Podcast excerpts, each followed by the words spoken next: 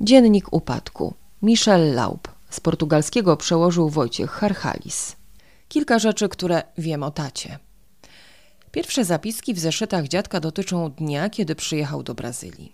Czytałem już dziesiątki takich wspomnień i przyjezdny zwykle jest zdumiony upałem, wilgotnością, mundurami służb rządowych, armią drobnych rzezimieszków zbierających się przy porcie, kolorem skóry jakiegoś śpiącego na stosie trocin – jednak pierwsze zdanie zapisków dziadka odnosi się do szklanki mleka. Najwyraźniej dziadek chciał napisać coś w rodzaju encyklopedii, serii niepowiązanych jasno z sobą haseł, terminów z następującymi po nich krótszymi czy dłuższymi objaśnieniami, zawsze ze szczegółową charakterystyką. Hasło mleko na przykład mówi o pokarmie płynnym i o kremowej teksturze, który oprócz zawartości wapnia i innych substancji o podstawowym znaczeniu dla organizmu posiada również i tę właściwość, że jest w niewielkim stopniu podatny na rozwój w nim bakterii. Następnie dziadek przechodzi do portu, bagażu, sesfredo i nie trudno dostrzec, że te zapiski następują w kolejności, z jaką zetknął się z tymi rzeczami czy miejscami, ludźmi i sytuacjami. Można śledzić tę sekwencję jako jego osobistą historię, ale ponieważ hasła są ewidentnie kłamliwe w tonie ogólnie optymistycznym, widać, że prezentują opaczne znaczenia. Dziadek pisze, że nie istnieją choroby wywołane w wyniku wypicia mleka, że port jest miejscem, gdzie skupia się handel obwoźny działający według ścisłych zasad kontroli finansowej i higienicznej i nie trudno wyobrazić go sobie na nabrzeżu po zjedzeniu ostatnich kawałeczków sucharów, które były jego jedynym pożywieniem podczas podróży. Jak pije pierwszą szklankę mleka od lat, mleko nowego świata i nowego życia, nalane z dzbanka przechowywanego i nie wiadomo gdzie, w jaki sposób i jak długo – tak więc po kilku tygodniach niemal umarł z tego powodu. Żydowscy imigranci przyjeżdżający na południe Brazylii trafiali najpierw do portu w Santosie, stamtąd do portu Rio Grande i wreszcie niewielkim parowcem do Porto Alegre. Zwykle sypiali w domach krewnych albo dalekich znajomych, albo w niewielkich pensjonatach w centrum. Nazwa pensjonatu, w którym zatrzymał się dziadek, to Sesfredo. W zeszytach określa go jako lokal przestronny i czysty, spokojny o poranku i przytulny wieczorem. Miejsce, gdzie ktoś z tyfusem, prawdopodobnie otrzymanym wraz ze szklanką mleka, jest poddany opiece sympatycznych właścicieli mówiących po niemiecku, którzy objaśniają w tym języku naturę choroby, jej symptomy, jej śmiertelność, określając na 25% przypadków i to wszystko w epoce, w której konkretne antybiotyki stosowane w leczeniu tej choroby jeszcze nie zostały wynalezione albo ciągle nie dotarły do Brazylii, a w każdym razie nie do tego pensjonatu. Sesfredo był w stanie stawić czoło czterem tygodniom wymiotów, bólu głowy, złego samopoczucia i 40-stopniowej gorączki dzięki uprzejmości jego właścicieli.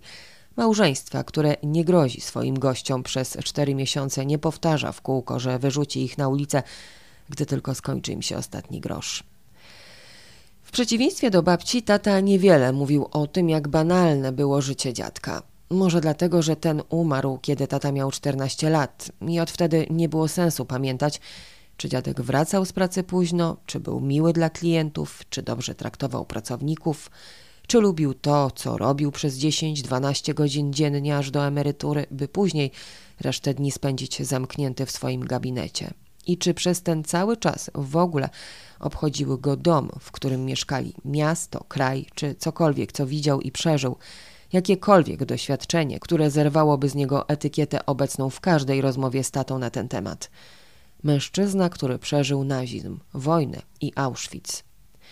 Tata wiele mówił o Niemczech z lat trzydziestych, o tym, jak Żydzi zostali z łatwością oszukani, ponieważ łatwo było sądzić, że napad na dom to odosobnione zajście, że atak na optyka czy sklep żelazny, na którego drzwiach nad ranem wymalowano gwiazdę, był sprawką jakiejś bandy wandali, bo jeśli masz interes i płacisz podatki i tworzysz miejsca pracy i żyjesz wygodnie, czując, że jesteś u siebie w kraju, gdzie od trzech pokoleń rodzili się twoi krewni, nie chcesz sobie wyobrażać możliwości utraty wszystkiego i że nagle pewnego dnia musisz wsiąść na statek bez bagażu, tylko w ubraniu, które masz na sobie i płynąć w strony, gdzie nie wiesz nic o obyczajach, polityce, historii.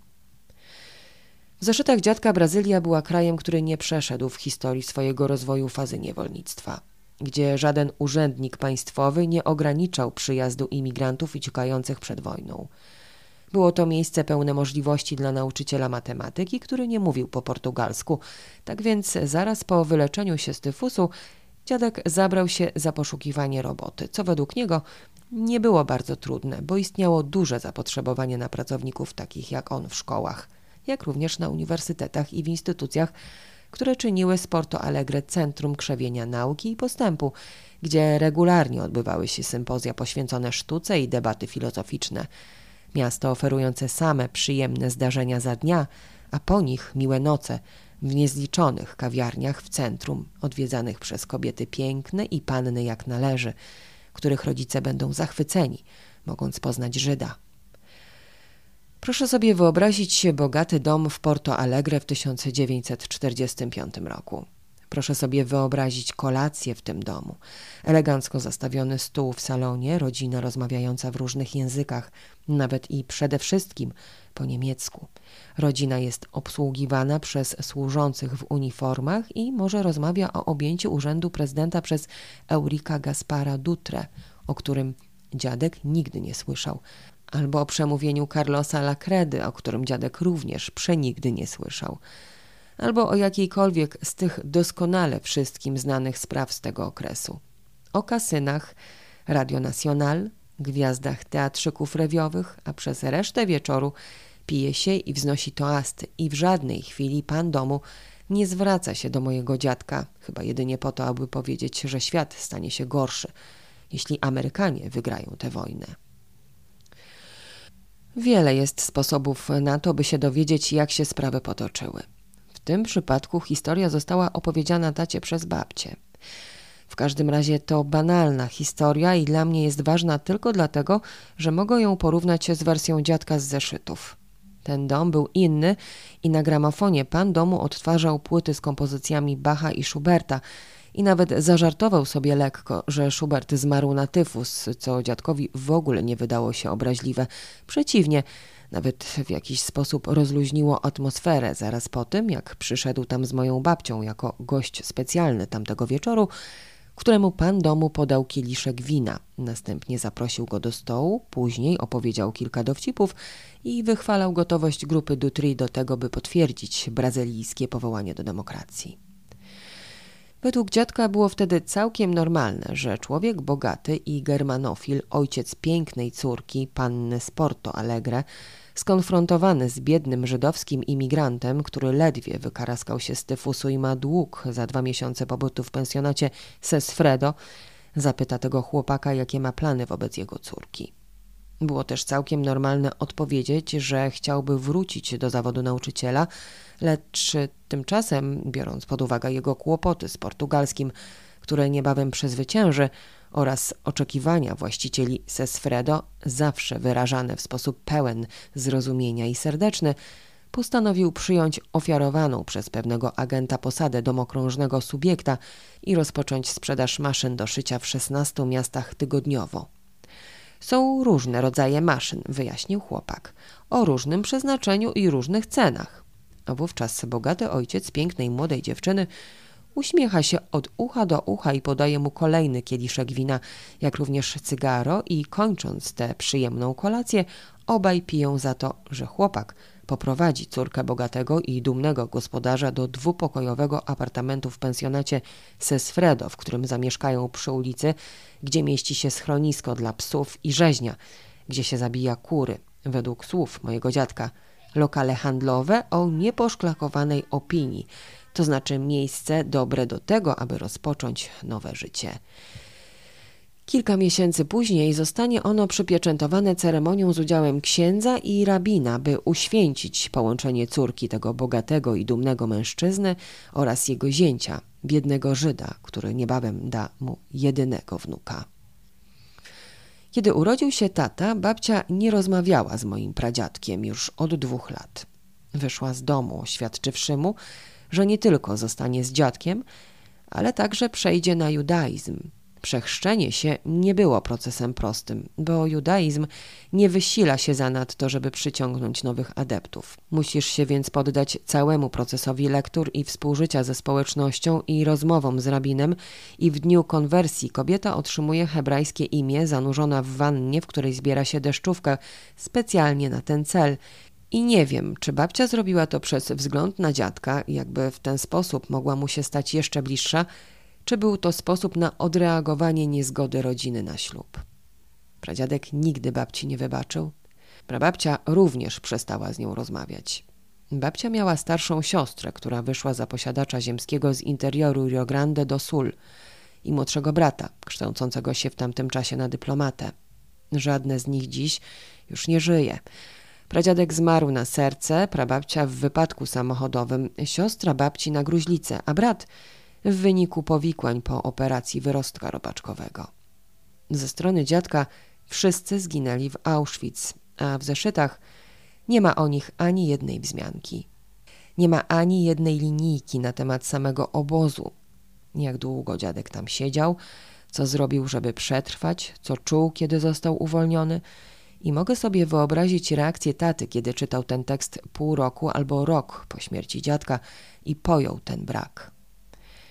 Dziadek nie pisał nic o judaizmie, żadnego komentarza o konwersji babci, żadnego opisu jej prób zrozumienia nowej religii po konwersji, żadnej wzmianki o książkach, które czytała, o jej uczęszczaniu do synagogi, podczas gdy on nigdy jej nie towarzyszył, o pytaniach, które zadawała na ten temat, podczas gdy on zawsze udzielał tylko lakonicznych odpowiedzi.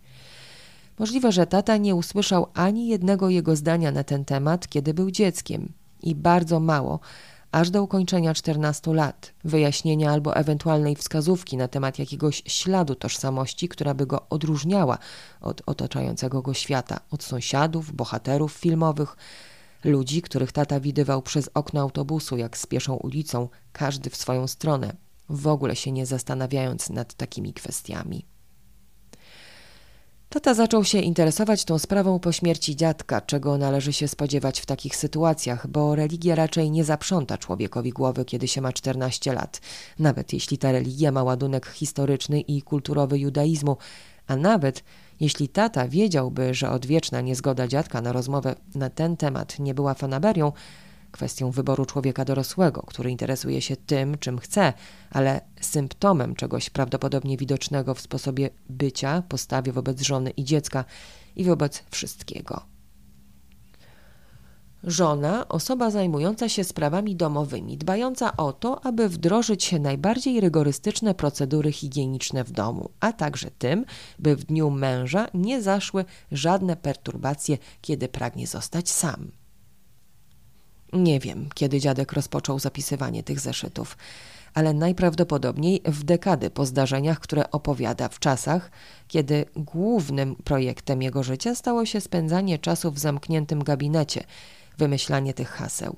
To dlatego tekst nie zmienia się za bardzo w miarę postępów lektury, jakby został wytworzony pod wpływem jednego impulsu i już na początku ta matryca staje się oczywista – Dziadek mówi o babci i o interesie z maszynami do szycia, który szedł dobrze do tego stopnia, że zaraz po narodzinach taty dziadek otworzył sklep w Porto Alegre. Tata zaczął pracować w wieku 14 lat, zaraz po śmierci dziadka.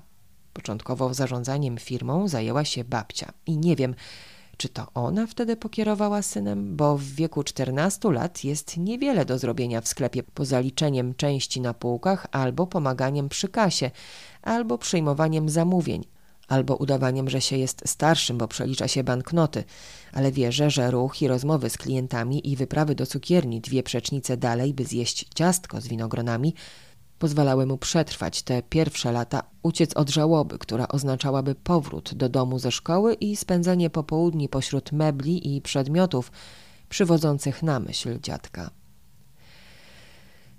Z czasem przestała to być wyłącznie terapia i tata polubił te dni w kantorku, a kiedy miał 18 albo 19 lat, babcia zostawiła go samego w sklepie. Po kilku następnych latach otworzył filię, nieco później drugą, jeszcze później trzecią. W każdej dywersyfikował asortyment i od maszyn do szycia przeszedł do tkanin, następnie do ubrań, później do mebli i do części samochodowych, co pozwoliło mi się urodzić jako spadkobiercy czegoś, co wtedy stało się miniaturowym imperium handlowym. Tata poznał mamę, gdy miał 19 lat. Było to na balu klubu żydowskiego. Tamtych czasach mężczyźni nosili krawaty, a kobiety czekały na zaproszenie do tańca i zastanawiam się, co by się stało, gdyby coś poszło nie tak tamtej nocy, gdyby coś przerwało łańcuch zdarzeń prowadzące do moich narodzin. Nie daje mi spokoju myśl, jak tata przeżywał ten czas, gdy się rodziłem, jak okazywał swoje uczucia mamie i czy to określiło, czy też nie, jego relacje ze mną przez te wszystkie lata. Każde dziecko się nad tym nie zastanawia. Wyobrażam więc sobie wrażenie, jakie zrobiły na nim zeszyty dziadka. Tam można prześledzić podobną drogę. Dziadek opowiadał, jaka była ciąża babci, czym dla niego była brzemienna żona. Hasło, w którym zostało napisane, że żona powinna obwieścić ciążę mężowi i że ta rozmowa służy temu, aby małżonek natychmiast podjął wynikającej z tej informacji decyzję.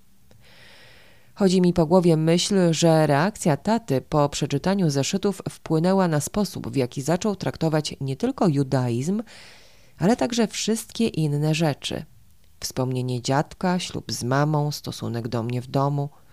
I jak nie poznałem go z żadnej innej strony, ponieważ on nigdy nie objawił mi się z żadnej innej strony. To zatem oczywiste, że również zostałem schwytany w pułapkę tej historii. Dla mnie wszystko zaczyna się w wieku 13 lat, kiedy pozwoliłem Joao upaść na jego trzynastych urodzinach. Dyrektorka wezwała rodziców zamieszanych w ten wybryk uczniów. Do zdarzenia doszło poza szkołą, ale dyrektorka stwierdziła, że sprawa podpada pod jej jurysdykcję dyscyplinarną. Kiedy tata zapytał mnie o tę sprawę, już wiedział, że pozostali zamieszani zeznali, że był to wypadek, ponieważ często robimy takie kawały i aż do tamtej chwili nikomu nic się nie stało. Taty nie zadowoliły wyjaśnienia, nie potraktował tej sprawy jako zwykłego kawału dzieciaków. Nie przyjął przyjaznego tonu ani nie opowiedział podobnej historii ze swojej przeszłości. Nie kazał mi przyrzec, że to się już nie powtórzy, ale też później nie zabrał głosu na ten temat. W następnych miesiącach nie okazał więcej zainteresowania niż normalnie szkołą, moim zachowaniem, przyjaciółmi czy Joao. Obaj niewiele razy się spotkali w tamtym czasie. Popołudniami zostawałem w domu sam ze służącą. Joao przychodził po obiedzie. Był to miesiąc egzaminów i on przez wypadek miał dużo zaległości. Pomogłem mu w portugalskim, w matematyce i w przedmiotach ścisłych i mimo, że przepisywanie dla niego moich zeszytów kosztowało wiele wysiłku i było zajęciem upierdliwym, robiłem to. Opowiadałem mu również lektury zadane do przeczytania w domu. Powtarzałem z nim zagadnienia omawiane przez nauczycieli podczas lekcji w szkole, bez czego nie mógłby później rozwiązywać zadań domowych. O czwartej czy piątej służąca przynosiła podwieczorek. Lubiłem tosty na gorąco z bananem, również koktajl mleczny i robiliśmy sobie przerwę na odpoczynek. W odróżnieniu od wszystkich moich kolegów, Joao nie grał w gry wideo. Nigdy nie miał w rękach kasety wideo. Nigdy nie był w domu takim jak mój, gdzie na początku lata mogliśmy siedzieć w klimatyzowanym pomieszczeniu, w pokoju jak na wyspie, gdzie czas nauki upływał godzina za godziną, przedmiot po przedmiocie, aż zmieniało się światło i spadała temperatura, żebyśmy w końcu mogli porzucić zeszyty i skończyć popołudnie nad brzegiem basenu. Żao nie był członkiem klubu, do którego chodziłem i nigdy nie skakał z trampoliny, jaką mieliśmy w domu z muru, na który wchodziliśmy po ubytkach między cegłami. Skok, jakim trzeba było pokonać przestrzeń trawnika, roślin i kamieni, aż do kafelkowej krawędzi basenu, dla mnie było to względnie łatwe, lecz Joao zabrało trochę czasu, zanim zdecydował się to zrobić. Niemal dwa metry wysokości Słońce zachodziło po przeciwnej stronie, wiatr i komary i zapach ściętej trawy po upalnym dniu, a ja mówiłem, że może skakać, bo nie ma w tym żadnej filozofii. On, przyczajony, skupiony, z szeroko otwartymi oczami i całą siłą zebraną w łydkach, wykonał skok do przodu, jakby nie było grawitacji i spadł w pustkę, skupiony na tym, by nie wypuścić powietrza. Są tacy, którzy otwierają oczy pod wodą i są tacy, którzy wolą nie otwierać. Nie wiem, czy to wielka różnica, kiedy opadasz na dno i musisz odczekać, aż zmniejszy się impet skoku i zatrzymasz się pośród bąbelków, po czym zaczniesz wracać na powierzchnię wspomagany siłą wyporu wody. Poruszasz ciałem, robisz długie ruchy rękami i czujesz nogi i brzuch, a kiedy wyłaniasz się na powierzchnię, patrzysz na brzeg i kolory nigdy nie wydają się żywsze. Odbicie wody, które lśni i porusza się na kafelkach, i chlupotanie fal i posmak chloru w nosie, i niepokój, który miałeś przez całe popołudnie i przez wszystkie popołudnia od dnia upadku na urodzinach, rozwiewa się, jakbyś urodził się na nowo.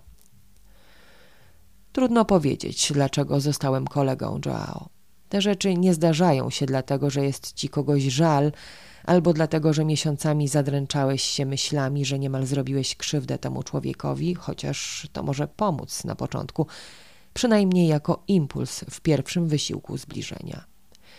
Gdyby nie ta początkowa niezręczność, nie ofiarowałbym się, żeby mu pomóc w lekcjach. Gdyby nie te popołudnia u mnie w domu, nie spędzalibyśmy tyle czasu razem. A gdyby nie to wspólne spędzanie czasu, które zaistniało wraz z jego powolnym dochodzeniem do zdrowia, sesjami fizjoterapii, ćwiczeniami wzmacniającymi mięśnie, pompkami i brzuszkami i podnoszeniem ciężarów, do czego on podchodził niemal obsesyjnie, tego co wcześniej wydawało się idiotyczne w jego osobowości, nie uznałbym w końcu za coś pozytywnego. W tamtym okresie niewiele rozmawiałem z tatą. On przychodził do domu nocą, wyczerpany, a ja już byłem po kolacji i przeważnie spałem. Gdybym policzył czas, który spędziliśmy razem w tygodniu, wyszłoby tego co najwyżej kilka godzin a ponieważ do tego czasu trzeba by doliczyć wykłady o Żydach, którzy zginęli na Olimpiadzie w 1972 roku, Żydach, którzy zginęli w zamachu OWP, Żydach, którzy dalej będą umierać przez neonazistów w Europie i o sojuszu radziecko-arabskim i o braku odpowiedniej reakcji ONZ i o złej woli prasy wobec Izraela, możliwe, że ponad połowa jego rozmów ze mną kręciła się wokół tego jednego tematu. Jako dziecko snułem w głowie fantazje na temat tych historii. Widziałem w wyobraźni swastyki i kozackie pochodzenie po drugiej stronie okna. Jakby ktokolwiek na ulicy był gotowy, by ubrać mnie w piżamy z gwiazdą i wsadzić do pociągu jadącego wprost ku kominom. Ale z wiekiem to się zmieniło. Zrozumiałem, że te historie się powtarzają. Tata opowiadał je w taki sam sposób, z taką samą intonacją, i jeszcze do dzisiaj mogę cytować przykłady, które co róż sprawiały, że jego głos stawał się pełen upojenia. Uwięzienie dziewczynki, rozdzielenie braci, lekarz i profesor i listonosz i kobieta w ciąży przemierzająca Polskę, aż wreszcie złapano ją w jakiejś leśnej pułapce. Coś się zmienia, kiedy widzisz, jak twój ojciec powtarza tę samą historię raz, drugi albo pięćsetny, i nagle nie jesteś więcej w stanie tego słuchać, wzruszać się czymś, co stopniowo w miarę twojego dorastania w wieku 13 lat w Porto Alegre, kiedy mieszkasz w domu z basenem i jesteś w stanie pozwolić koledze spaść na plecy podczas jego urodzin, stopniowo zaczyna ci się jawić jako coś, co ma niewielki związek z twoim życiem. Po tym jak zostałem kolegą Joao, także zacząłem patrzeć na swoich kolegów, nie rozumiejąc, dlaczego to zrobili i jak mnie do tego dokoptowali. I zacząłem się wstydzić, że krzyczałem Goju, skurwysynie. I to się mieszało z coraz większym zażenowaniem tatą, odrzuceniem jego wystąpień, kiedy mówił o antysemityzmie, bo ja nie miałem nic wspólnego z tymi skrzywdzonymi osobami, poza faktem, że się urodziłem Żydem i nic nie wiedziałem o tych ludziach, poza faktem, że oni byli Żydami i bez względu na to, że ci wszyscy ludzie zginęli w obozach koncentracyjnych. Nie miało sensu, bym ja o tym codziennie wspominał. Nie miało sensu, abym z tego powodu uczynił kolegę inwalidą, albo dlatego, że w jakiś sposób to na mnie wpłynęło, przemowy mojego taty, jak modlitwy przed jedzeniem, solidarność z Żydami z całego świata i obietnica, że cierpienie Żydów z całego świata nigdy więcej się nie powtórzy, podczas gdy ja miesiącami widziałem coś innego. Joao sam przeciwko całej bandzie Nie przeszkadzało mu, że jest upokarzany, nigdy nie okazał, że czuje się pokonany, kiedy leżał zakopany w piasku i to z powodu tego wspomnienia, świadomości, że nie było w tym tchórzostwa, lecz raczej w nas dziesięciu czy piętnastu, którzyśmy go otaczali przez wstyd, który zostałby ze mną na zawsze, gdybym czegoś z tym nie zrobił. Postanowiłem zmienić szkołę na koniec roku.